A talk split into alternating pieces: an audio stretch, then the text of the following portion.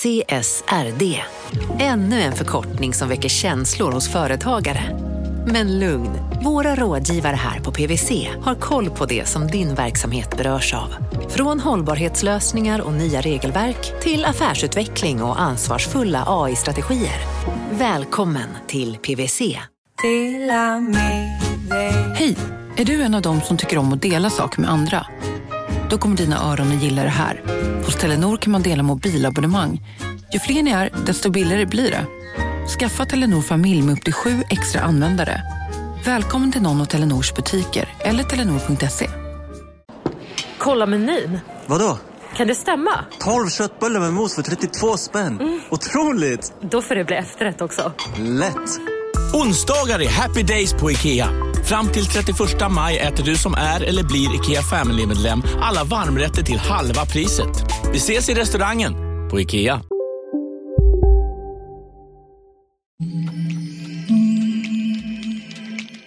Från Monopol Media, det här är Kapitalet. Jag heter Jakob Bursell. Och jag heter Gunnar Harjus.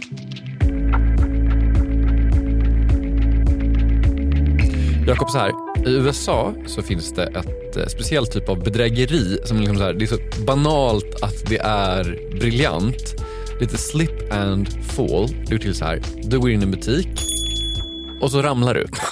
Det är hela bedrägeriet. Det låter enkelt. Ja. Det kan knappast vara butikens fel. Va? Att man ramlar? Nej, fast okay, det är lite mer än det jag sa. För det är så här nämligen, du ramlade nämligen på ett bananskal som låg i en av gångarna i butiken. Och det bananskalet det skulle inte ligga där. Och då skadar du dig och så får du eh, pengar. Så, så var i ligger bedrägeriet? Ja, det går ju till så att din polare har ju varit där tio minuter tidigare och slängt ett bananskal där. Det här är Martin Gren och allt det här med bedrägeriet det har egentligen ingenting med dagens avsnitt att göra. Eh, eller det har väl kanske lite med, med dagens avsnitt. För Martin Gren är grundare av ett bolag som heter Axis Communications. Eh, de gör övervakningskameror. Eh, det är för övrigt ett ord som han inte gillar. Jag brukar säga trygghetskameror för att de är till för att skapa trygghet. Och en sån trygghet då gissar jag det är att eh, du då kan filma när den här kompisen kommer in och lägger dit bananskalet i butiken så att du kan bevisa att det här är ett bedrägeri och du slipper betala ut ja, typ en miljon dollar i skadestånd. Exakt, och det är liksom en trygghet jag i alla fall unnar ja, alla företag tror jag. Mm, jag också. Mm. Martin Gren i alla fall och hans företag Axis, de är svinbra på att göra såna här kameror. De har liksom en företagspark eller man ska säga, utanför Lund. Det är liksom som liksom en liten som företagsstad i staden. Och det sitter liksom tusen olika såna bolag i den här parken. Och alla har man så vagt hört talas om. Alla har också orangea loggor by the way. Och, och så heter de så här som Cellavision och Klick med Q och Hansa Medical. Exakt. Och det är liksom jättestora företag som har jättestora kontor där. Men i den här staden så är det liksom Axis som är grejen. Typ varannat hus i den här staden är, tillhör Axis. Ja, jag fattar. Och det Axis har fattat som gör att de är så här stora, det är att man kan göra kameror till typ vad som helst. Martin visar mig runt, de har någon slags så showroom som är jättestort.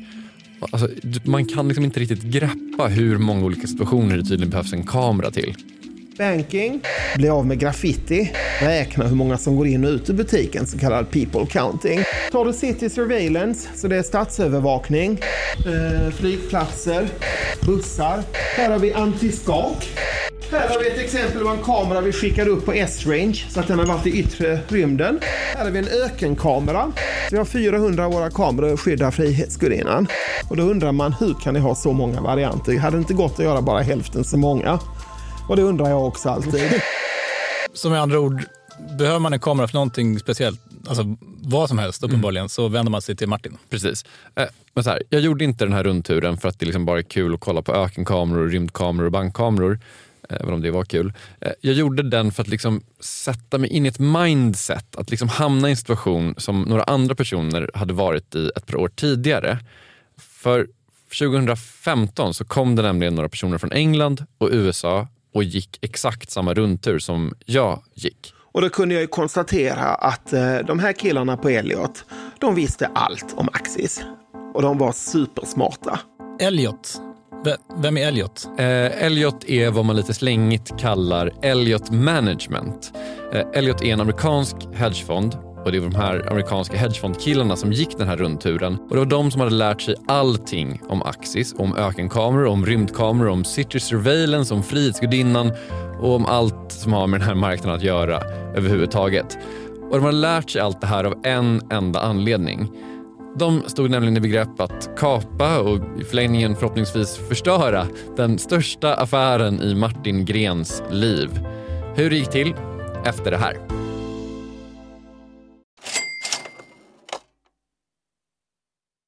Vi sponsras av Storbrand Asset Management som ju förvaltar över 1000 miljarder norska kronor, bland annat för SPPs eh, många pensionssparare. För två år sedan så investerade Storbrand i drygt 60 tåg, alltså tågvagnar, eh, som rullar mellan London och Skottland. De leasar sedan de här tågvagnarna till tågoperatören som alltså kör tågen och säljer biljetter och sånt eh, med ett avtal på 27 år. Så britterna får nya fina tåg och Storbrands kunder, eh, däribland alltså SPPs pensionssparare, får en inflationsskyddad avkastning med låga risker under lång tid. Det här är ett av supermånga exempel på hur pensionskapitalet i växande omfattning bidrar till att bygga samhället och inte minst till att klara klimatmålen. Det behövs elproduktion, elnät, batteriparker, nya transportlösningar och allt möjligt. Bara i Europa antas investeringsbehovet för att klara klimatmålen uppgå till tusentals miljarder dollar. Och det här är ju pengar som ganska ofta saknas i statsbudgetarna. Däremot är det här pengar som pensionsbolagen kan vara med eh, och stoppa in, vilket ger pensionsspararna en fin avkastning under lång tid samtidigt som man är med och ställer om samhället.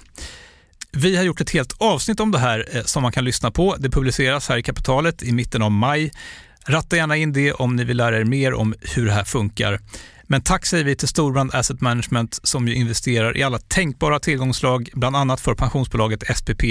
Och tillsammans försöker ju vi, Storbrand och SPP öka medvetenheten om hur pensionerna funkar och vilken roll pensionerna spelar i samhället och i ekonomin.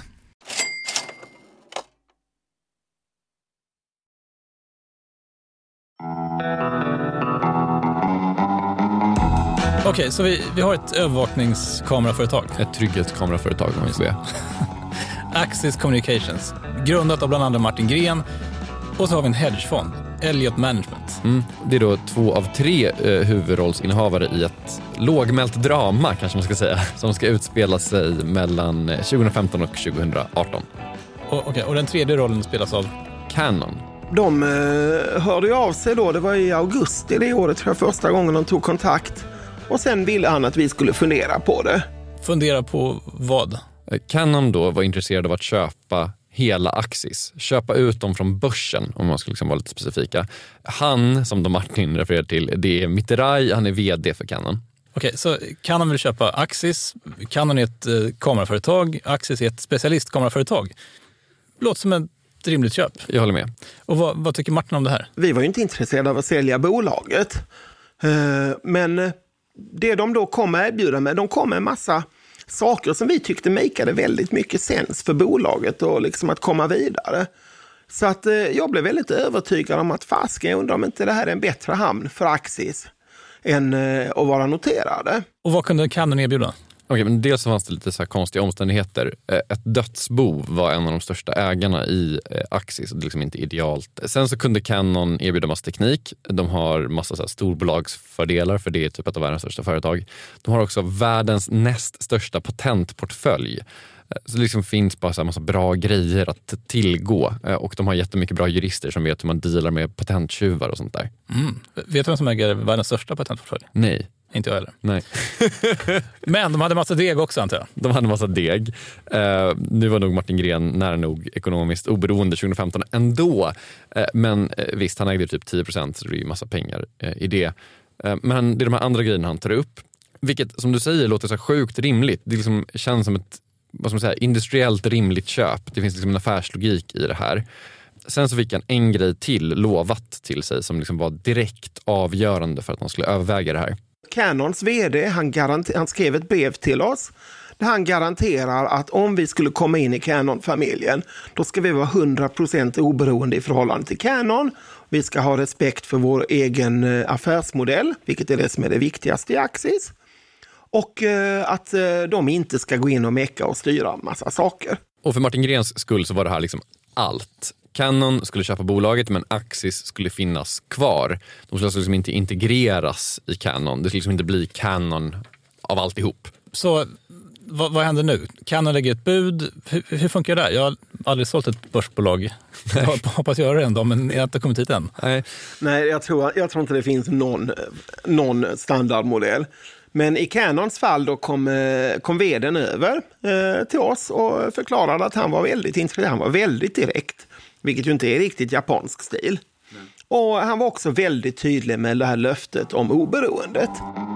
Så Martin och de andra de funderar på det här och till slut så lägger då Canon ett officiellt bud. 340 kronor per aktie. Eh, totalt är budet värt nästan 24 miljarder kronor. Eh, budet är då typ 50 procent över börskursen i, det läget. 40 procent av ägarna säger direkt så här, vi kommer acceptera budet, eh, däribland då Martin själv. Och sen faller det då på styrelsen att antingen rekommendera att budet ska godtas av de övriga aktieägarna eller så rekommenderar man att man ska liksom avslå budet. Och, och det som behöver hända då är att Canon ska lyckas få över 90 procent av alla aktier. För då finns det en sån här lag om tvångsinlösen, att man kan tvinga de resterande aktieägarna att sälja sina aktier. Precis, det är liksom superviktigt. Man måste komma över 90 procent. Kommer man över 90 procent, då har man 100 procent. Kommer man till 89 procent, då har man 89 procent. Liksom. det är liksom hela skillnaden ligger där. Och om styrelsen liksom rekommenderar att man ska sälja, då kommer det här bli mycket lättare. För då är det många små sparare som bara så här, okej, okay, men de tycker att det här är ett bra köp. Då känns det bra för mig att sälja. Typ. Okej, för de litar på styrelsen? Ja. Så vad, vad sa styrelsen? Ja, de släpper då ett eh, statement. Där skriver de att det är finansiellt och industriellt logiskt bud, men att på väldigt långt sikt så är det inte säkert att det är det bästa alternativet. Men vad menar de med det? Alltså det de menar är att på kort sikt, superbra bud. På lång sikt skulle Axis kunna bli värt lite mer. Typ. Ja. Men lite så är det väl att ingen skulle lägga ett bud på någonting någonsin om de inte känner att det på lång sikt skulle bli en vinstaffär. Så är det ju. Det är liksom det som är ett bud. Det är väl anledningen till att man köper någonting. Att så här, just nu så kanske det är värt lite mindre än det jag lägger men jag tror att det här kommer bli en bra affär. Alltså, någon, någon kommer alltid tycka att det kommer, på lång sikt ska bli en bra affär här. Liksom. Um, så det marknaden gör är att man tolkar det här som en säljrekommendation i princip. Ja. Alltså om man läser tidningar idag så står det att styrelsen rekommenderade att sälja till Canon. Det är liksom inte riktigt helt sant. Och jag tror att det var väldigt mycket det statementet som eh, till viss del i alla fall triggade Elliot. Triggade? Triggade köpet. Merger arbitrage kallas ju det där och det är kanske den typen av aktivistverksamhet som, som har fått mest kritik också. Det här är Lotta Dinkelspiel. Hon är chefredaktör på nyhetstjänsten Squid. Squid, en sån här nyhetsaggregator där man liksom får allting på ett ställe och sen får man välja intressen och sådär. Och hennes intresse är då Elliot Management. Ja, jag vet inte. Det kanske det är. Jo, men det är klart det är ett intresse hon har. Eh, hon jobbade på Affärsvärlden tidigare och skrev mycket om just det här. Elliot Management är nämligen en aktivistfond. Vilket låter som att det skulle vara ett vänsterkooperativ då som kommer in och köper upp ett företag för att skänka till medarbetarna. Exakt, alltså här, nu ger vi tillbaka produktionsmedel till arbetarna. Men det är liksom verkligen inte det som en aktivistfond är. Det är alltså ingenting med vänstern att göra? Nej, inte vad jag vet. Definitionen på en aktivistfond är att man eh, helt enkelt går in och tar ett väldigt aktivt ägarskap. Man liksom lägger sig i styrningen och så till skillnad från en del andra fonder som är mer passiva, köper aktier och hoppas att det ska gå bra. Mm. Då sätter man sina kort på liksom, att den här vdn och den här ordföranden och, här, och de här människorna kommer göra ett bra jobb. Medan en aktivistfond går mycket mer aktivt in och säger det här måste ni ändra på eller kanske ska vi byta ut vdn. Eller, så, som mer aktiva ägare. Och Elliot är en av de mest kända aktivistfonderna skulle jag säga. Det här de gör, de liksom går in och stryper kostnader och maximerar vinst och byter ut vd, det är liksom typ deras kärnverksamhet eller vad man ska säga. Men så gör de också det här som de gör med Axis då, det som tar ett corner. Ett hörn? Mm, precis, hörnet är då men du vet, du sa innan, man var tvungen att komma över 90 procent för att få köpa de sista 10 procenterna. Mm. Elliot köper då 10,01 procent. Ja, så att Canon inte kan köpa Axis? Precis. Så så länge Elliot har 10,01 procent så kan Canon inte komma över 90 procent och då kan de inte nå 100 procent och då kan de inte köpa ut Axis från börsen. Ja, och det de gör då helt enkelt, det är att de säger till Canon, vill ni ha ut Axis från börsen här, då får ni nog steppa upp ert bud. Ni får nog ge lite mer pengar. Och styrelsen sa att på lång sikt kunde det här vara en dålig finansiell affär, så nu får ni verkligen öppna plånkan här. Så i princip så håller man Axis gisslan för att, få, ja, för att kunna tjäna pengar på att, att driva upp kursen lite mer? Ja men precis, lite så kan man säga. Och hur mycket vill de ha då? Det vet man inte riktigt för att det är liksom hemligstämplat det är mellan Axis och, och, och Elliot då. Frågar Martin? Ja, men han visste inte. Eller han, han, alltså, han verkade verkligen inte veta och han var ändå typ chef för det här företaget. Då. Nej, då ska han förmodligen bestämt så att det bara stänker om det. Ja, säkert. Ja, fair enough. Men okej, okay, du sa att Elliot är den mest kända aktivistfonden. Mm. Kände Martin till de här, de här också? Eller? Jo, jag kände faktiskt till Elliot. Jag råkar ju då vara finansiellt intresserad. Så att eh, jag kände ju väl till vad de hade gjort i Argentina och jag kände ju väl till deras, deras affärsidé. Argentina? Argentina. Man kan nästan inte prata om Elliot utan att prata om Argentina. 2001 så var Argentina i fruktansvärt skick. Ingen hade jobb, man hade jättehöga statsskulder, man hade utfärdat massa, massa obligationer och de här obligationerna då hade tappat i princip allt sitt värde för att det verkade väldigt otroligt att Argentina någonsin skulle kunna betala tillbaka eh, de här pengarna. Ett trick som man precis har upprepat eh, på nytt för övrigt. Eh, Argentina? Ja. Kanon. Och får jag gissa, då såg Elliot en möjlighet att hitta på något kul där? Exakt, jag tror kris och möjlighet är samma ord för en aktivistfond. I alla fall, Argentina gick till slut ut och liksom sa rakt ut, vi kommer inte betala. Har ni lånat pengar till oss, sorry, vi kommer inte pröjsa. Vi är ett land, vi har liksom egen självbestämmande rätt. Otur för er. Och, och då blev det inga pengar för Elliot? Och då, då tog de till otroligt kontroversiella eh, metoder. Bland annat lyckades de få en domstol i Ghana att, eh, att eh, ta fast en båt och säga, med, med massa folk, med massa argentinare på tror jag. Och säga att vi släpper inte den här båten förrän ni betalar tillbaka era pengar och sådär. Åh oh, jävlar!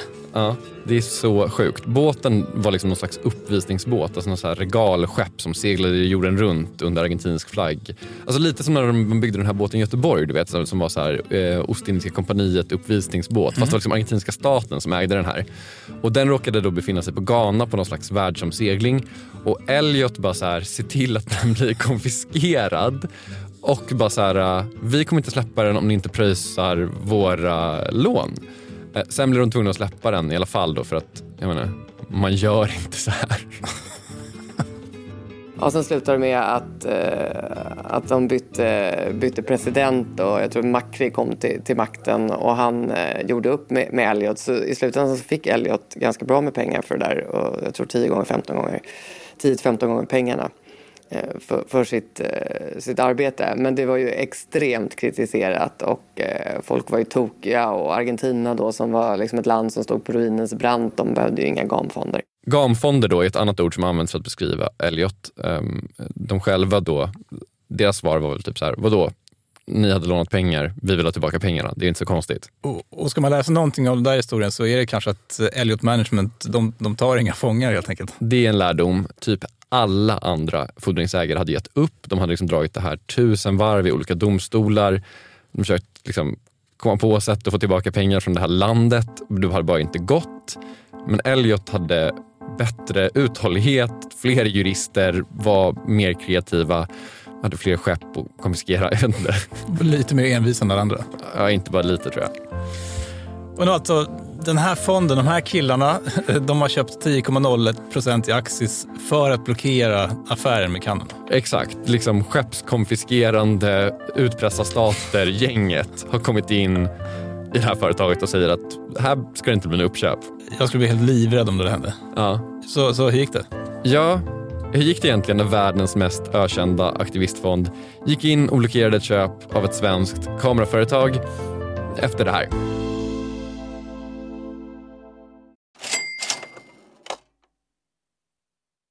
Kapitalet sponsras av Master Exchange, plattformen där du som privatperson kan investera i låtar och får pengar varje gång de här låtarna spelas. Eh, vi berättade ju senast eh, om barnlåten Puff the Magic Dragon som noterades av Master Exchange under våren. Nu har utdelningen på den låten kommit, eller royaltyn som vi säger i musikbranschen. Eh, den ligger på drygt 12% i årstakt och det här är ju en avkastning som är helt okorrelerad till börsen. Till och med Goldman Sachs har börjat skriva om just musik som investering just ur det här perspektivet. Nu finns en möjlighet att investera i en ny låt. Eh, låten heter Boss Bitch och den är av Doja Cat eh, som, eh, alltså jag ska inte säga att jag är superdeep här, men eh, det är ändå en, en person som jag vet om det är. En, en världskändis. Den här låten gav, baserad på förra årets spelningar, en avkastning på drygt 13% Master Exchange har just nu en väntelista på registreringar. Det, det, går lite för bra för dem kan man säga. Men skriver ni in kapitalet som promo code så kan ni runda kön och ansöka om andelar i låten Boss Bitch ändå. Man investerar helt vanliga pengar, det är inget krypto eller sånt där. Så vill du investera i musik och få en avkastning som är helt okorrelerad med börsen och kanske inte minst eh, för att det är kul att äga låtar eh, så kan man gå in på masterexchange.com och använda kapitalet som promo-code så går man alltså förbi kön. Kom ihåg dock att alla investeringar är förenade med risk, men vi säger stort, stort tack till Master Exchange. Kapitalet sponsras av Karla, Jakob. Ja, bilar igen. Ja, det är eh, härligt. På Karla kan man sälja sin elbil eh, på det gissningsvis smidigaste sättet i Sverige. Eh, Karla har ju ett nästan ett komiskt högt användarbetyg på Trustpilot. Mm. 4,8 av 5, vilket jag typ aldrig hört talas om. Nej, det är väldigt, väldigt högt. Eh, man knappar in lite info om bilen på sidan, sen får man en gratis värdering och ett bud. Accepterar du budet kommer Karla och hämtar upp bilen gratis och sätter in pengarna innan de kör iväg. Inget mer än så.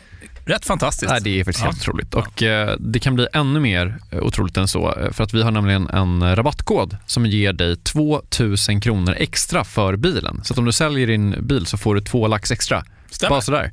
Eh, koden är Monopol och eh, den uppger du när du har värderat bilen och eh, pratat med Karlas inköpare. Koden är giltig till sista maj, så att passa på om du går i säljartankar. Jag undrar om vi haft en kod som har gett två lax bara sådär någon gång? Nej. Det är helt otroligt. Mm. Man behöver en bil förvisso. Absolut, så det är kanske inte bara sådär, men det är ändå 2000 kronor extra. Väldigt bra. Ja. Så sälj din elbil eller laddhybrid till Karla. Du får 2000 kronor extra med rabattkoden Monopol. Eh, hoppa in och kolla på karla.se. Karla Museet. Där kan man också köpa bilar ska jag tillägga. Verkligen. Vi säger stort tack till Karla.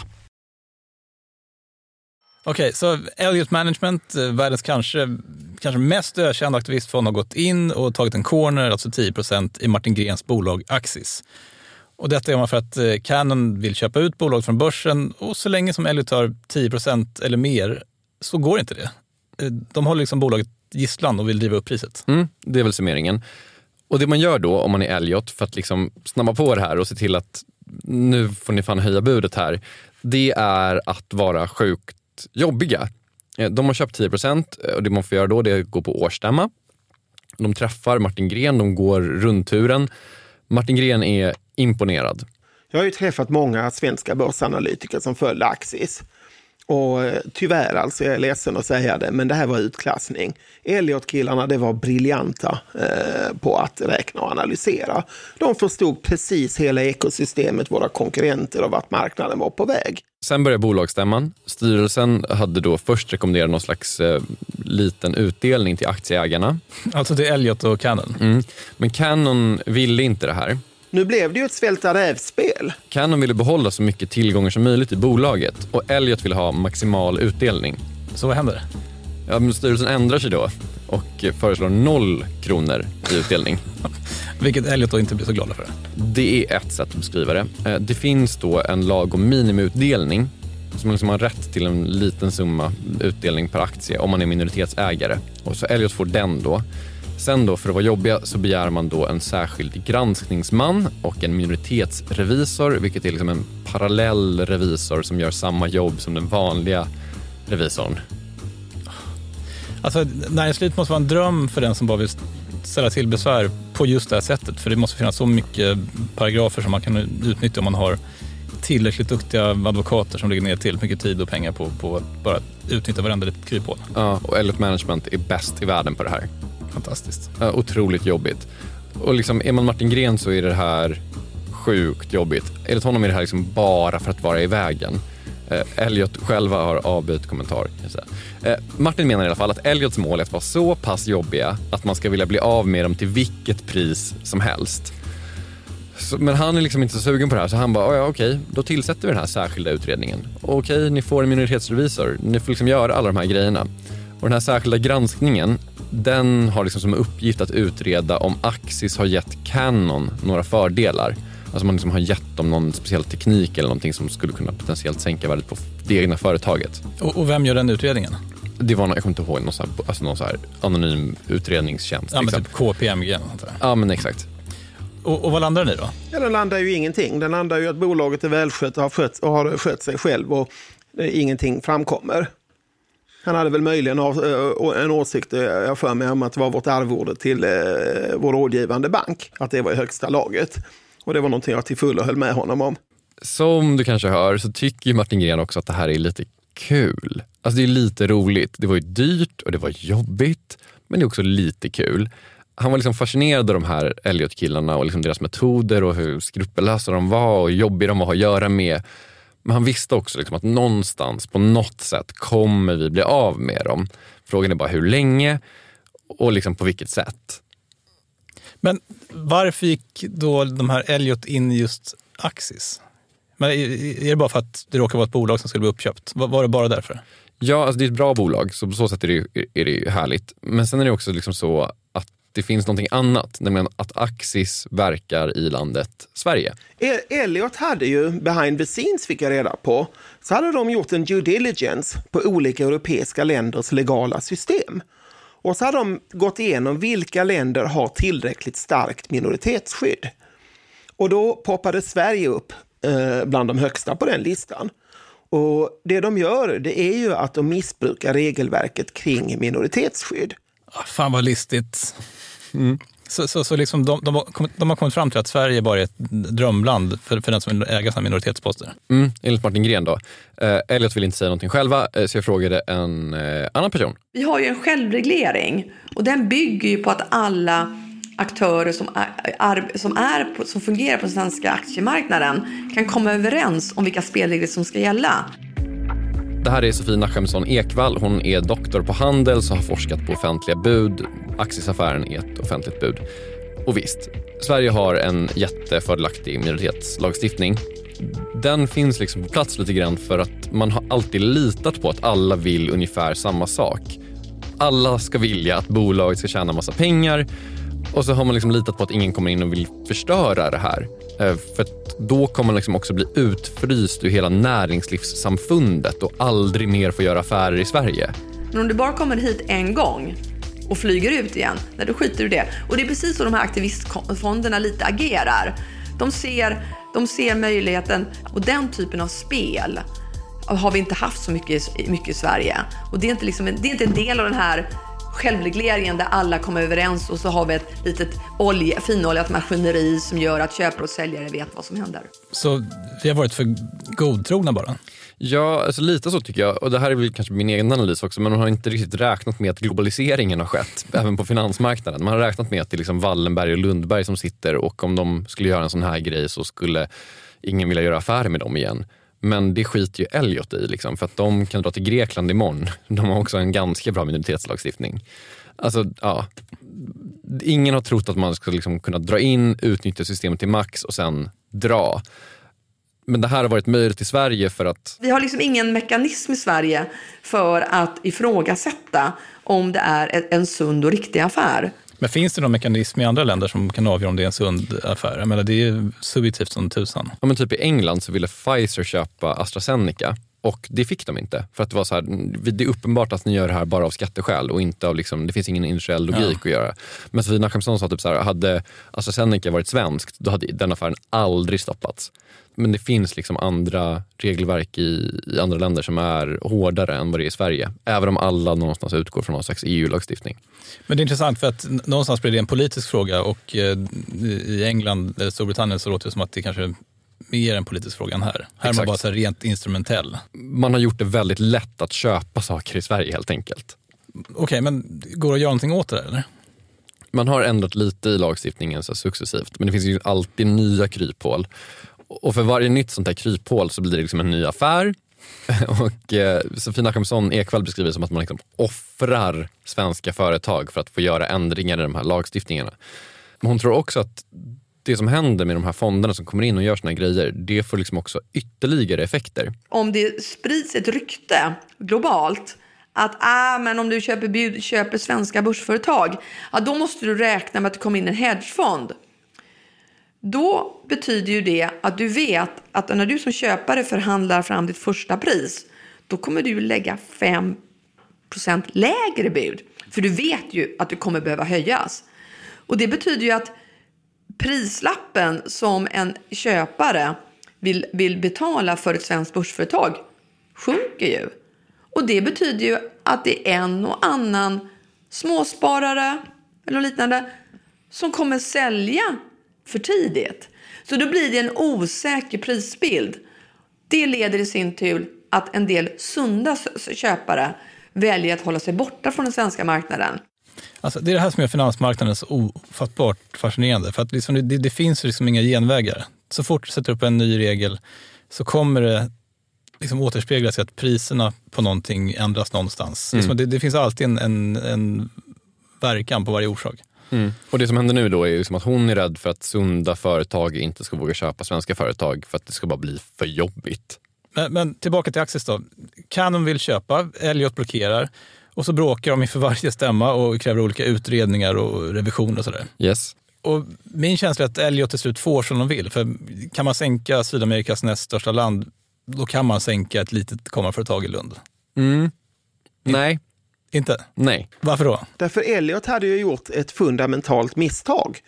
Och det var att de utgick från att det skulle ske en total integration mellan Axis och Canon. Och hur de kunde missbedöma det, det, det, har jag faktiskt lite svårt att förstå. Så Elliot trodde att Canon skulle ta Axis och, och bara förvandla bolaget till en division inom, inom Canon? Ja, någon slags här special camera operations eller någonting. Men det var inte Canons plan? Nej. Och vad spelar det för roll? Alltså det undrade jag verkligen också, jag förstod inte det till att börja med. Men det det förändrade var då tidsaspekten hade Canon velat integrera Axis så hade de haft lite brådis helt enkelt. Man hade velat få ut Canon från börsen och ta alla deras fina patent och grejer och liksom integrera det i Canon och göra det. Jag vet inte vad man vill göra med det. Jag äger inte ett kameraföretag, men det finns säkert bra grejer man kan göra med de här grejerna.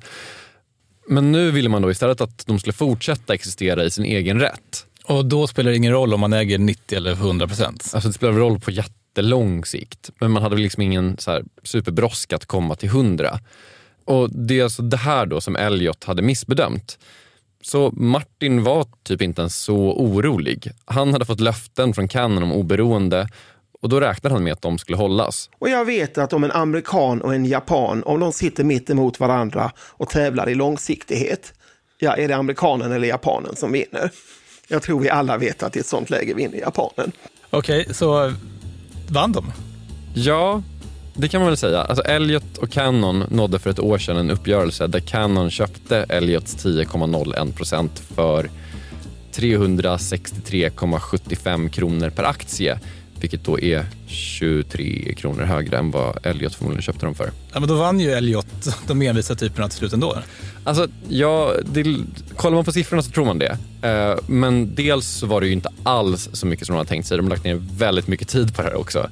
Sen är det också så att kronan har sjunkit så pass mycket gentemot dollarn under de här åren att eh, Elliot som då är en dollarfond förmodligen har gått back på det här. Och jag tyckte att betala pengar till Elliots affärsmodell, det är moraliskt sett väldigt oriktigt.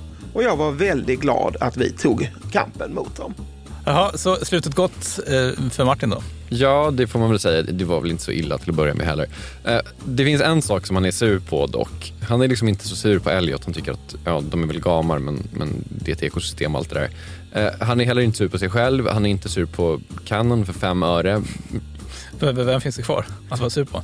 Okej, Elliot fick ju då inte 10,01 procent liksom från ingenstans, utan de köpte ju då 10 procent. Mm. Och, och, vem sålde? Ja, de köpte ju bevisligen av eh, några av de fina svenska pensionsfonderna. Och det tycker jag ju är ett förskräckligt underbetyg till dem, att de säljer i en sån situation till en sådan eh, spelare som Elliot. Det tycker jag faktiskt att deras etik och moral borde säga nej till. Ja, det där kan jag nog förstå att man blir lite sur på. Ja, det där var också Sofie Nachemsson Ekvall sur på. Att hon liksom tycker att man måste som stor fond, stor liksom svensk institution ta ett ansvar. Och liksom att man ska upprätthålla funktionerna på den finansiella marknaden i Sverige. Men AP-fonden bara, mm, här finns en chans att göra ett litet kap. Exakt. Men en annan grej här, alltså, man kallar de här fonderna rätt ofta för, för GAM-fonder. Mm. Men behövs inte eh, alltså, för att hålla systemet lite i trim? Jag kan också tycka det lite grann när man kollar på deras verksamhet som när de går in och tar aktiva poster i andra företag. Att de är liksom så här, ja men vi måste fokusera på kärnverksamheten. Vi måste byta ut den här vdn som är slackig och sådär. Även, sen kan man liksom känna så här, metoderna de använder är ju väl bara, typ största allmänhet. Eh, Lotta Dinkelspiel som vi pratade med då innan, hon var också lite inne på det här att så här, det finns en funktion som de fyller men metoderna är verkligen tvivelaktiga. Men i Axis-fallet då, alltså det här fallet, så tycker hon att Elliot helt enkelt gjorde fel. De gick in, de bråkade, de sålde. Och då kan man fråga sig till vilken nytta var det där? Och var bolaget verkligen värt så mycket som de först hävdade när alla andra ägare, eller de allra flesta andra ägare valde att gå med på det där budet? Och då liksom ställer de ju till mer problem än, än skapar lösningar, så att säga. eller skapar värde. Och då kanske det var på sin plats att de förlorade den här gången då? Ja, det kan man absolut tycka. Eh, Jag har faktiskt på riktigt inte hittat en enda annan kamp de har förlorat, vilket är sinnessjukt. Kan vi utnämna dem till världens mest envisa fondbolag? Jag tror det. Ehm, Och med den utnämningen så är Kapital slut för den här veckan. Eh, Vi som gjort veckans program heter Gunnar Harjus och Jakob Bursell. Den övriga redaktionen består av Åsa Secker och av Kristoffer Krook som har gjort den här slutmixen. Tack också till Helene Rothstein som hjälpt eh, mycket med det här avsnittet. Eh, hon har också en egen podd som hon gör för Affärsvärlden som heter Affärsvärlden. Eh, hon har också pratat med Martin Gren om massa andra intressanta saker också. Lyssna på det. Vi är tillbaka med ett nytt avsnitt om en vecka. Tills dess kan man följa oss på Instagram. Där heter vi eh, snabel-a. Följer oss Jakob? Eh, Jag har slutat använda Instagram för att jag kan inte kontrollera appen. Hej då! Hej!